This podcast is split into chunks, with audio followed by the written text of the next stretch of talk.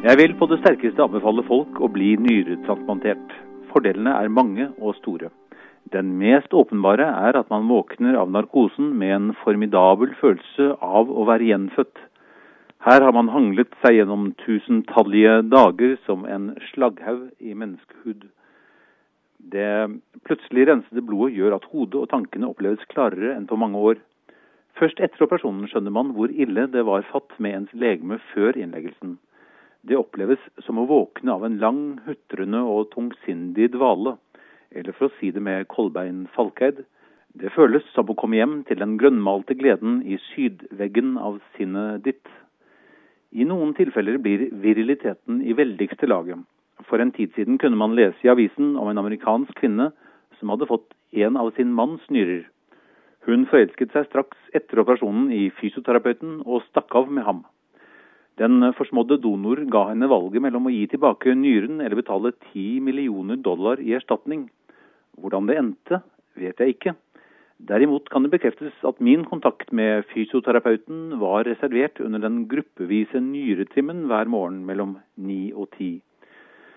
Å være nyretransplantert betyr at man får noe vesentlig til felles med mennesker man aldri før har hatt noe felles med.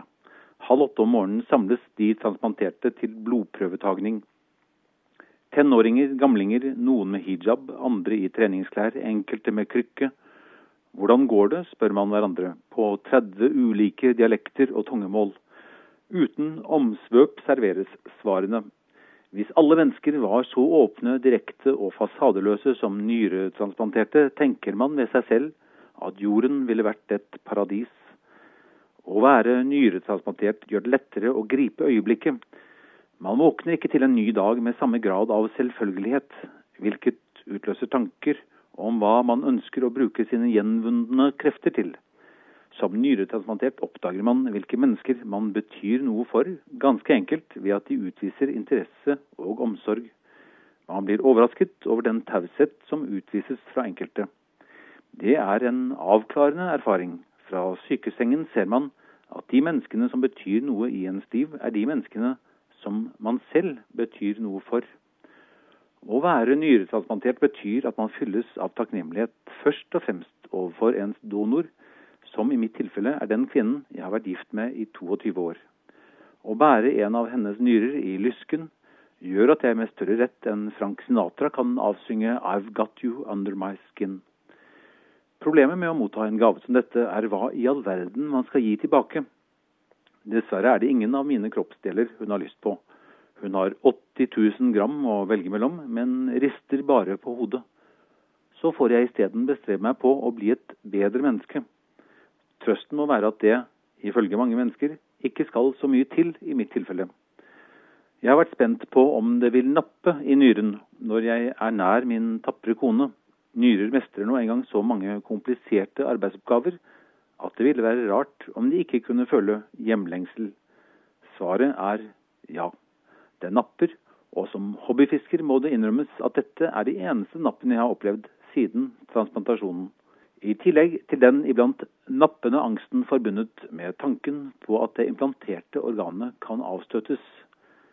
Takknemlig blir man også overfor kirurgene og pleierne ved Rikshospitalet. Dette at pasienter kommer kavende inn som menneskevrak og i løpet av få dager forvandles til glødende friske vesener med energi og livsmot, tilfører avdelingen for transplantasjonskirurgi et preg av et evangelisk helbredelsesstevne, hvor herlige ting vil skje, som det heter i reklamen.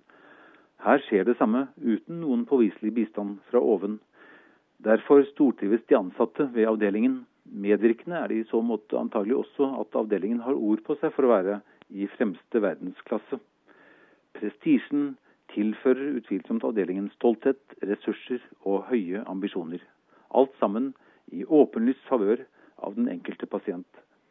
Spørsmålet er naturligvis hvor mange legemsdeler man kan bytte ut før man opphører å være seg selv. Selv opplever jeg å ha blitt vesentlig mer feminin når jeg nå er blitt bærer av min kones nyre. Plutselig lurer jeg på hvordan min mor har det nå, og har endog knepet meg selv i å plukke markblomster. Kvinner er ikke nødvendigvis bedre mennesker, men det foreligger mange indikasjoner på at de er oftere mennesker. I så måte har jeg et håp om at nyren vil feminisere meg ytterligere. Å være nyretransplantert betyr at man utvikler større forståelse, sympati og medlidenhet med dem som er kronisk syke. Man erfarer hvor degraderende det er å forvandles fra avholdt bidragsyter til belastning og utgiftspost. Når man ligger med buken i været, pleietrengende, medikamentavhengig og hjelpeløs, med kateter og smertepumpe, finnes det bare én dugelig realøkonomisk trøst. Den består i at dette trolig blir det nærmeste man noen gang kommer sin rettmessige andel av nasjonens ebbende oljeeventyr. For snipp, snapp, snute så er både eventyret og pasienten ute.